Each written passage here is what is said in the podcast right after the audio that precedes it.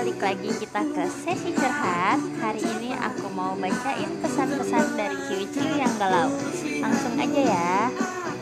Dari Nur di Bekasi. Kak, salam dong buat mantan aku yang dulu sering bawain umpan kucing-kucing aku di rumah. Semoga bahagia sama yang baru ya.